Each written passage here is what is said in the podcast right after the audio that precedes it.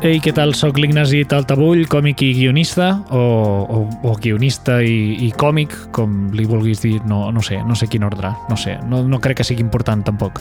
Ja ens hem encallat en la primera frase. Bueno, eh, el cas és que eh, tinc en el meu entorn eh, molta gent amb talent eh, que admiro, i molt poques vegades amb el ritme del dia a dia tinc oportunitat de parlar amb ells de la feina, de per què fem el que fem i poder-los fer preguntes que tinc curiositat per fer-los des de fa temps i he aprofitat aquesta aturada per trucar a alguns d'ells i xerrar una estona. No sé si això té algun interès per a algú altre que no sigui jo mateix. Potser no, potser... Segurament estic parlant sol, eh, però bueno, si has arribat fins aquí, potser t'interessa alguna d'aquestes converses. Així que endavant, anem a veure si val la pena, no? Si no, sempre ho pots treure. No sé. Vinga, va, som-hi.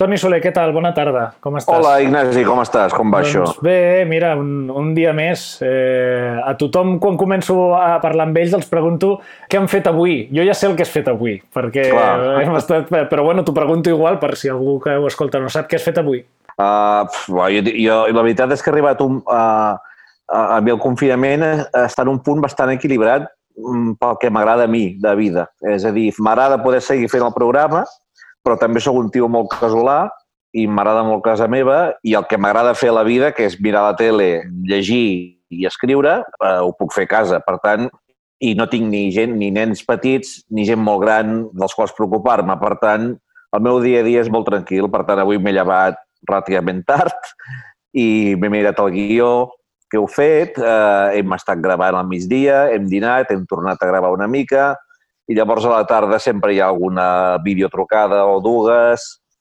i la resta, doncs, depèn del dia. Clar, no sé si t'ha passat a tu, a mi segur que m'ha passat que el, el fet de fer el programa jo crec que m'ha salvat una mica de tornar-me boig durant el confinament, perquè et dona Sí. com a estructura la setmana, eh? el fet de dir, vale, no, avui toca el programa, etc etc que ha costat molt i està costant molt fer-lo a distància perquè l'ideal, evidentment, és fer-lo presencialment, però per altra banda agraeixo fer-lo, que de no haver-lo fet crec que hauria estat molt, molt pitjor aquest confinament. Sí, i, i és estrany perquè quan gravem el de dijous Mm -hmm. i el resum de divendres acabo, sento un alleujament, Sí. com si m'hagués tret un pes de sobre. I llavors, en canvi, ve la llarga travessa del desert, que és de dijous tarda fins a diumenge tarda, què, bueno, mm, ara la cosa espero que canvi, però ara se'm feia molt llarg i els diumenges eren molt depressius, no sé els teus. Sí, Però els meus eren molt depressius, sí. Totalment. Vull, I bueno, tenies sensació de cap de setmana, el que passa sense poder fer res que faries un cap de setmana, que és esperar Sí. que arribi el dilluns, no? que era una cosa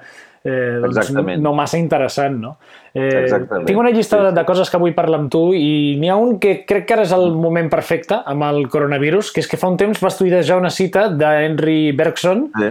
que deia eh, els humoristes assisteixen a la vida com a espectadors indiferents i per això molts drames es converteixen en comèdia. I és això el que passa amb el coronavirus una mica, no? O sigui, que hi hagi una pandèmia mundial però que tu i jo estiguem cada dia intentant fer acudits per un programa d'humor, no Mm. indica que potser estem una mica bojos? Sí, bojos i concretament esquizofrènics. Jo tinc una doble vida total. Vull dir, jo els temes que més m'irriten i que fan que, per exemple, a, a Twitter o en altres fòrums, diguem-ne, de discussió, tingui posicions molt vehements, Mm. són temes que en el programa em fan riure. Clar, A mi la política em, em pixo de riure i la trobo ridícula sempre, però eh, en la meva versió humorística i mentre faig el programa, en canvi a la vida hi ha coses que em fan enfadar o em fan discutir, etc. I amb la pandèmia em passa una mica el mateix. Ben mirat, eh, no hi ha, no hi ha un, un barem de coses més greus, menys greus. A mi tot em fa la mateixa gràcia clar, quan estic posat en el mode humor. Clar, però Clar. com eh, en els anys aquests que portem d'estar passant, que jo crec que l'altre dia ho parlàvem amb el Tomàs, que precisament són dels anys en quan l'actualitat ha sigut més boja, no? Hem tingut, vam començar amb un referèndum, després va haver-hi eh, tots els presos polítics, el, el, el judici, les protestes per la condemna, ara una pandèmia mundial. Com es pot fer que tot això no ens afecti i puguem seguir fent acudits de coses que ens indignen o ens entristeixen? Tu com aconsegueixes separar-te d'això? Jo eh, dissocio molt, que és un terme que fan servir els psicòlegs. Mhm. Dissociació. Saps quan veus un, una pel·lícula, veus un funeral, sobretot d'un funeral anglosaxó, Sí. on després hi ha el còctel, l'aperitiu i tot allò. Sí. I veus que els anfitrions, que són els que han patit la mort, doncs estan allà... bueno, és perquè estan dissociant, no? I diuen, eh, una part del cervell està de dol i una altra part del cervell està doncs, eh, donant conversa als convidats. Pues, eh, jo també eh, dissocio molt i llavors crec que sóc bastant, entre cometes, professional amb això, eh, que quan estic fent eh, humor a la tele no penso en el que, els meus sentiments o emocions o idees, sinó en què fa més gràcia o què fa menys gràcia.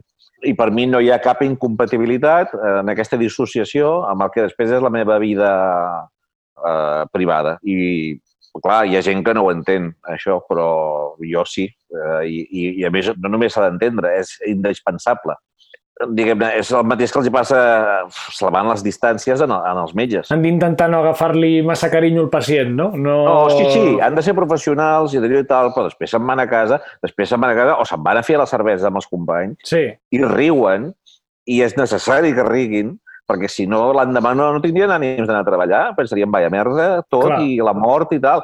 Vull dir, aquesta dissociació, cadascú, amb moltes feines es produeix i els humoristes eh, també l'hem d'aplicar. Sí, jo quan, amb, quan parlàvem amb, amb el Tomàs sobre escriure amb actualitat, una de les coses que més noto precisament és això, és quan escrius sobre un personatge en concret, per mi aquells personatges de l'actualitat no són ni tan sols persones reals quan jo escric, no? Són, són, són com personatges de ficció que jo no m'imagino que poden veure allò o, o que, que existeixen de debò, saps? Per mi són doncs, personatges amb unes característiques o uns tòpics i a partir d'aquí construeixo els acudits, però clar, també penso que molts dels acudits que fas tu eh, moltes vegades van dirigits amb gent que tu coneixes personalment, que potser després t'hi trobaràs. I com fas aquesta dissociació d'algú que saps qui és realment, saps? Perquè jo, clar, jo no conec a ningú i, de fet, ho agraeixo, perquè potser em costaria més de- d'escriure segons quin acudit si sé que potser Ah. després me'l trobaré. Vull dir, la, les possibilitats de que un guionista o la gent que estem darrere ens trobem cara a cara amb la persona i em digui tu has dit això sobre mi, són mínimes. En canvi, a tu segur t'ha passat i, i et passa. Com,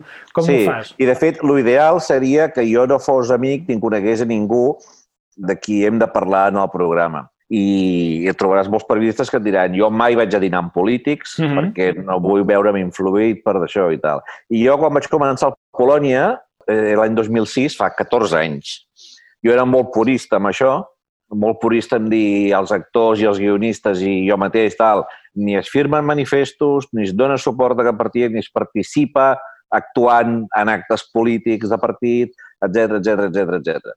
Què ha passat després? Que el Polònia doncs, s'ha allargat, després ha vingut l'estar passant, a més a més, Sí, el sí. Polònia porta 14 anys. Jo en tinc 54, a punt de fer 55. Què he de fer? He d'estar tota la meva vida mentre- eh, sense opinar de política, sense posicionar-me en cap tema que m'interessi, per protegir la, la puresa del programa? Doncs pues mira, no. No només això, sinó que, a més, com que m'interessa la política, m'han convidat a fer pròlegs de llibres, a, artic a escriure articles a, a, a la premsa o a participar en debats en el que dic el que penso. I no hi he volgut renunciar perquè és una cosa que m'agrada. Si algun dia em diuen has de triar, doncs ja triaré. No sé què triaré, però Clar. ja triaré. Però mentre no m'obliguin a triar, doncs, eh, mantinc aquest equilibri que és difícil, és inestable i realment doncs, eh, eh, no és l'ideal, ja ho admeto que no és l'ideal, però que és, és el que hi ha, diguem-ne, no? I per tant m'hi adapto com puc. També els últims anys, tal i com s'han posat les coses, crec que era obligat donar la teva opinió i posicionar-se en totes les coses que han anat passant. El que passa és que quan veig els còmics i els leits dels Estats Units, jo tinc la sensació que allà hi ha més naturalitat en acceptar les opinions polítiques dels còmics. La gent accepta que Colbert sigui anti-Trump o algú altre sigui més conservador o de dretes. No sé, sembla que aquí al públic li molesta més que un còmic pugui opinar sobre un tema més seriós o es posicioni Va. eh, o es mulli. Sí, no, sí, sí. I no sé per què. Perquè Espanya, diguem-ne, incloent Catalunya, eh, no és un país amb la tradició democràtica i liberal d'Estats Units o d'altres democràcies consolidades i el tema de dir el que penses políticament, a tu, Ignasi, i fins i tot a mi, tot i que sóc bastant més gran que tu, ens pot semblar més o menys natural, però Mhm. no ho ha estat gens de natural en aquest país durant Clar. molt de temps. I s'ha trobat gairebé com de mal gust. De la mateixa manera es trobava de mal gust treure un tema polític amb una conversa perquè podia generar una discussió i aquest argument que es feia servir tant durant el procés de que es fracturaven els sopars familiars. Sí, per les famílies no es parlen, sí, sí. Exacte, no? Doncs, eh, doncs, bueno, doncs, doncs som una mica eh, producte d'això. A Estats Units també és més fàcil posicionar-se perquè només hi ha dos. Clar, estàs a una banda o altra, sí i una de les dues és Trump, per tant... No, no, tio, clar, clar, ara mateix, clar, l'estrany seria estar a favor de, de, de Trump. Però aquí eh, jo també hem d'admetre que els humoristes d'esquerres han estat tenen menys mm, eh, vergonya de dir que són d'esquerres, perquè en general també tenen menys càstig. Un humorista mm, un humorista, clar, un humorista de dretes, a mi m'agradaria que aparegués un humorista de dretes molt divertit. Clar. Que realment digués, hòstia, és que em pixo de riure amb aquest tio. I ho sento, és, un, és uh, molt conservador, li importa un pito la pobresa, és homòfob, és racista, és tot, que vulguis, però és divertidíssim. Sí. I llavors trobar-nos en aquest dilema moral, no? De dir, sí. però no m'ha passat encara. No, però eh, perquè és veritat que els còmics solen ser d'esquerres. Jo suposo que deu ser que eh, ser còmic t'obliga a autoqüestionar-te les coses no? a intentar veure el que passa des d'angles diferents, i això sol ser d'esquerres, sí. plantejar-se les situacions des de diferents punts de vista, no? Per això potser no hi ha tants còmics de dretes, tot i que també n'hi ha, el, el Kake Minuesa o, o los yeah. clones d'Intereconomia, que era el Polònia de dretes, no sé si funcionava gaire, no sé ni si existeix, però tornant al Polònia, quan deies eh, que eh, ja fa 14 anys que va començar, el Polònia era un projecte teu, que venia de la ràdio, del Minoria Absoluta, sí. de rac i és un projecte que tu en algun moment has hagut de deixar-lo anar i ha crescut tant que funciona com una entitat pròpia. Sí. Quina sensació et dona això? T'ha costat delegar, deixar anar un projecte que era teu personal i dir, ja no sóc jo qui el dirigeixo mm. i el presento, com era en un inici? No, jo la veritat és que la, la meva vanitat eh, era una vanitat inversa a la d'altra gent però també és vanitat, eh? Ho admeto. Mhm. -huh. Hi ha gent que té la vanitat de dir el programa sense mi se'n va la merda, no? Ja, sí. I la meva vanitat és de dir, no, jo, jo faré un programa tan collonut que si jo me'n vaig, el programa seguirà anant bé, saps? Sí. I aquesta és la meva vanitat. Per tant, jo ho tenia claríssim, que el, el meu objectiu que el programa em sobrevisqués. I, a més, era un programa jo, jo, les gravacions del Polònia són llarguíssimes. A mi, a mi se'm feia etern. Ja. Se'm feia etern. Jo no sóc una persona de plató de, de gravació. Eh? Um, I llavors em, em, em costava molt. Vull dir que jo, al cap d'uns anys, jo ja veia que... Però ja anava buscant excuses per no anar al plató, per coordinar guió, després coordinar-lo més a distància, etc i d'això, però cada cop els guionistes eren més bons i cada cop eh, eh, eh, bueno, ara des que el director ha estat en Jaume Buixó els últims anys i uh, ho ha fet de fàbula i, i el programa m'ha acabat sorprenent a mi, que també és bonic veure que és, per una banda és el teu programa, però per l'altra banda dius, hòstia... Amb. El reconeixes encara com el teu programa quan el veus o, o ja ha evolucionat tant que no tens la, el record de dir, vale, això ho vam començar nosaltres? No, hi ha coses que no tu... El cap, o sigui, eh, eh, a vegades els guionistes fan coses que ja noto que han vist humor diferent per la tele. Perquè a vegades fan petits trucs que em recorden a Padre de Família, saps? Aquells petits sí. interns de dir, uh, he arribat tard... Sí, hi ha una referència i se'n va a una altra banda sí. el gag totalment, sí. He arribat tard sí. perquè estava fent classe de no sé què i llavors es veu una escena de... Aquesta mena de coses al, al començament no, no, no les fèiem i, i, i els esquetxos han guanyat en diversitat. Clar, és que, tio, has d'imaginar 14 temporades, 40 programes cada any, uns 15 esquetxos per programa, doncs tu multiplica. No, no, clar, és infinit, clar, clar. S'han de pensar sempre fórmules noves. Però, malgrat tot, jo crec que l'esquelet original es manté i es manté també el, algunes coses d'estil, com per exemple que els actors estiguin a dins i a fora del set, saps? Sí, I, sí, sí, sí. Que en, quan jo hi era, eh, això era molt més pronunciat, no? I, i tal, i ara que encara no hi soc, a vegades, després, quan acaba el gag, el gag continua la, a les bambalines i això també és una marca molt del, del Polònia. Jo, jo crec que està de conya. Hmm. Ara que també mencionaves l'evolució que ha tingut el Polònia amb la incorporació de nous guionistes, eh, vas fer un tuit també fa un temps que volia recuperar, a veure a què et referies, que dius, la gent més jove que treballa amb mi em recorda com era jo a la seva edat, un militant de l'humor Ara ja no milito, sóc simpatitzant i estones.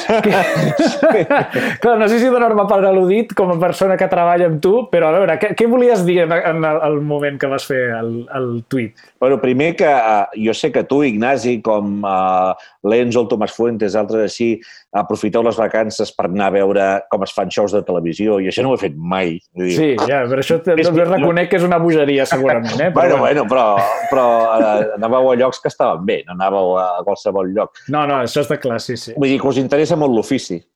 Uh -huh. uh, mentre que jo, no és que m'hi hagi trobat, però a mi m'interessa aquest ofici, però m'interessa el periodisme, m'interessa la història, m'interessa uh, l'humor, m'interessa la política, m'interessen moltes coses i, i, i vaig fent allò que penso que em pot sortir millor i, i tal. I, bueno, de, de tota manera, quan jo tenia 25 anys o 30, uh, l'humor per mi era una filosofia de vida.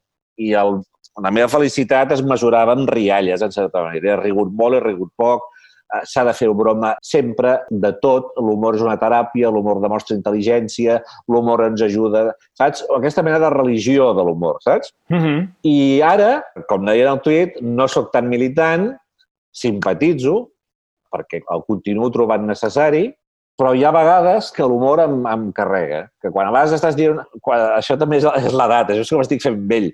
Vull dir, estàs, sí. en, estàs en, un, en un sopar o estàs dient alguna tal, tal, i hi ha un que tota l'estona va colant xispets sí, tot el rato. Sí, però això és esgotador sempre, eh? Ah, vale, vale, vale. És esgotador per mi també ara, eh? De dir, bueno, també podem parlar seriosament d'una cosa, no cal sí, estar pensant sí. acudits tota l'estona. Sí, per una sí, banda sí. em referia a això, per altra banda em referia a que l'humor té moltes coses bones, però l'humor a vegades també és un... és com un escapisme, és com... És, es, es fa broma a vegades per no afrontar debats seriosos, per eh, convertir-ho tot en una broma. A vegades no estic molt content amb l'ús que es fa de l'humor, però bueno, continuo simpatitzant, com et dic, amb l'humor i crec que és una... Eh, I, a més, continuo donant-me molts, molts bons moments. Per tant, què més vull? Clar, no sé si per això o a l'Està passant tu estàs molt present en el guió i sé que això no és tan habitual com jo pensava. Hi ha molts presentadors d'altres programes que llegeixen el guió per primer cop gairebé en antena. En canvi, a tu t'agrada revisar tots els guions, sí. corregir-los directament quan alguna cosa no t'agrada.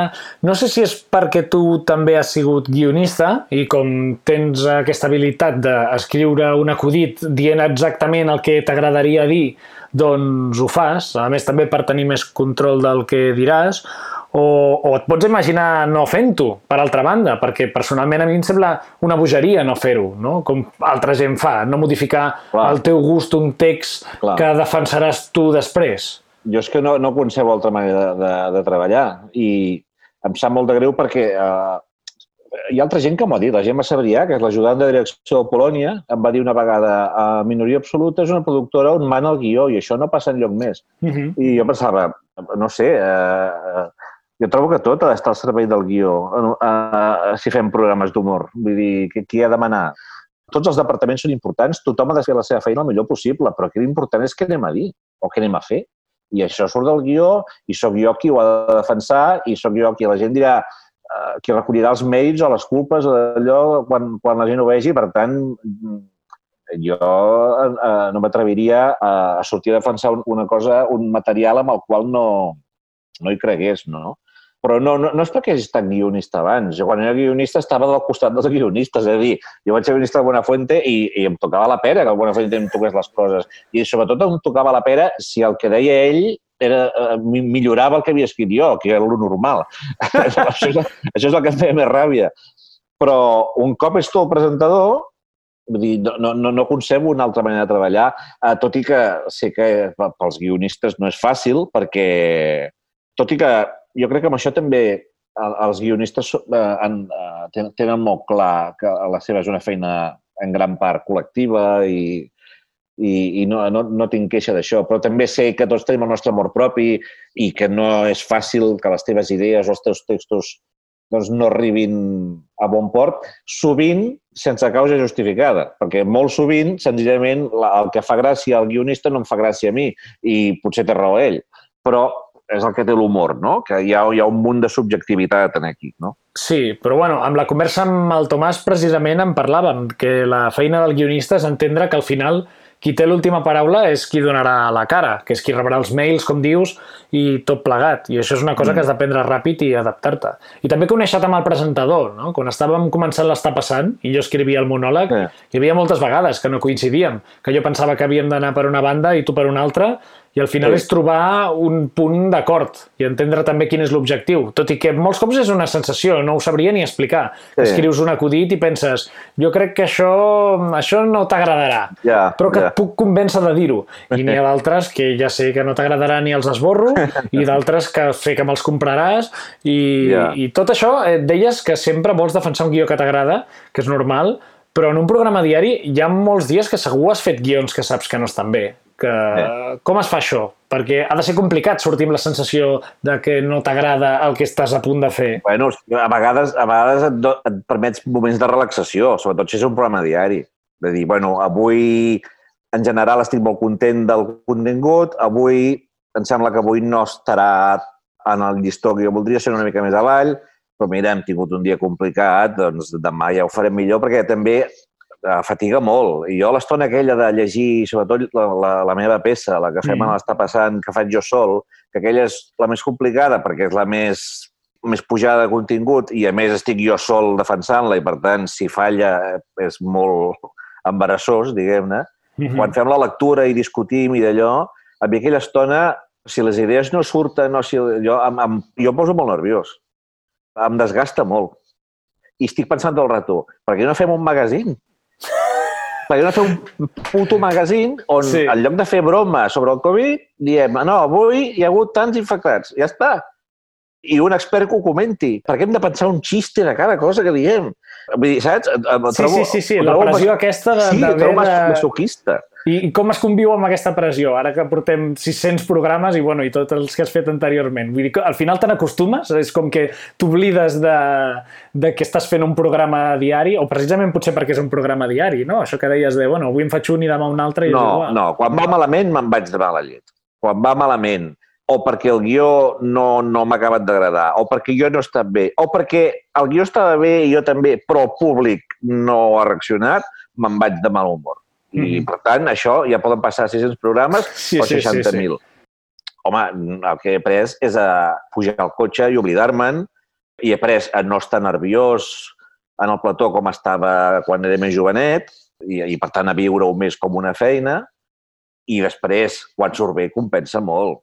És molt divertit, és molt gratificant, i tothom vol treballar i que la gent el miri mentre treballen i, i després aplaudeixin. Tothom ho voldria. Per tant, no, no, no ens podem queixar.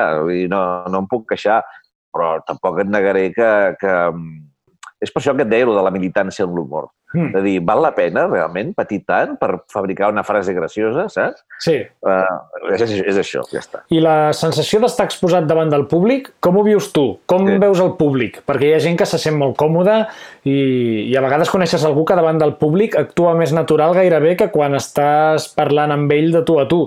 I gent que és a la inversa. Com veus tu el públic? T'inquieta? Somies en el públic i ho passes malament? Sí, sí, no, no, jo vaig tenir por escènica molt de temps. Molt de temps.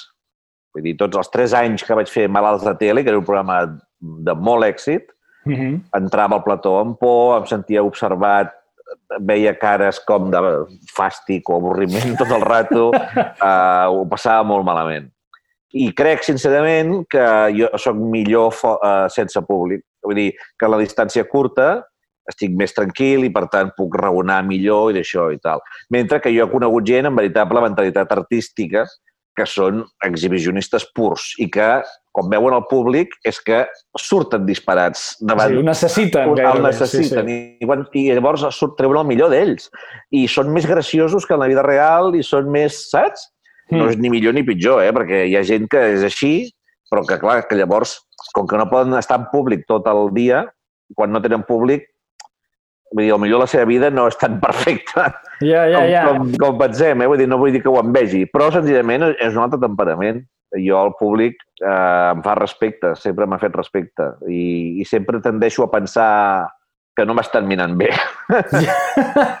Com, tot i que venen al programa voluntàriament. És evident que volen estar allà, no? Però... Sí, sí, sí, sí, sí. Mira, és, una, menta- és qüestió de mentalitats. Eh, ara, quan parlaves de, de malalts de tele i dels inicis, quina visió tens tu dels youtubers i de la gent que comença? Tu creus que si comencessis ara tu series youtuber, per exemple? O sigui, què, Ah. què, què faries tu si ara haguessis d'intentar donar el salt a, a dedicar-te a això? Clar, és una bona pregunta. Uh, Uh, no ho sé, perquè realment a la, a la meva època era, era, era més fotut. A mi, i a mi m'agradava molt l'humor. Estava fent de periodista seriós en un diari que va tancar, estava sense feina, llavors vaig estar de guionista manconí, guionista sèrio, cometes, i què vaig fer? Vaig escriure coses de guió d'humor i les vaig portar en el Mikimoto i en l'Antoni Bassas, que aquella època feien alguna pregunta més a la ràdio, mm. i no sé si algú més. Però, clar, no tenia més opcions. No, no, no existia... Estic parlant de, de, dels anys 90. Mm -hmm. No hi havia res més a fer. Clar, havies d'anar a la gent que pogués donar feina. Exacte, sí, sí. Vaig tenir la sort que... Què va passar? Vam, en què Conovell i jo, que érem eh, seguint una campanya electoral com a periodistes, a l'autocar dels periodistes vam estar fent l'idiota i la tia de Ràdio Barcelona ens va gravar, li va passar la cinta en Buenafuente, Buenafuente la va passar en el seu programa, en plan, mireu els periodistes de política que més s'ho passen, i ens vam conèixer, i etc etc. Però ara realment hi ha moltes més oportunitats, però clar, també hi ha més competència. Clar. Però vaja, és molt millor d'ara, sens dubte. Uh, si algú fa coses realment bones, pot lluir a través de les xarxes. I, per tant, uh, jo crec que és una generació afortunada en aquest sentit. Després hi ha l'altre problema, que és el tema de la precarietat laboral, els sous, etc. no? que amb això hem anat a tots els sectors. Sí. Però a nivell d'oportunitat, jo crec que ara és molt més un camp obert del que era abans. I així com l'Andreu Buenafuente va, eh, va fer el salt a Espanya, tu, tu has plantejat mai, has tingut mai aquesta sensació o no t'ha interessat? Jo directament em costava una mica per l'accent i perquè tinc la sensació que no... Sempre dic la sensació que no coneixia gaire el públic espanyol. Però, en canvi, el, el, el Polònia, just abans del Polònia vam fer un programa molt semblant al Polònia, el vam fer en Antena 3. Mm -hmm. eh, mira, usted, no va funcionar com a Polònia, però no va estar gens malament. Ja, ja no hi sortia. Uh, no, amb això no tindria cap problema. A quants més països, com més programes, com més idiomes, tot això, com més millor.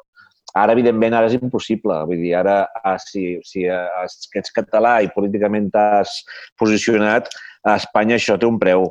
Però, bueno, espero que no sigui així per tota la vida. Bueno, per la meva sí, perquè jo ja, a l'edat que tinc, bueno, que no crec que la cosa millori, però bueno. Jo, uh, I per acabar, vull preguntar, tu creus que s'arriba mai a saber de tele? 100%?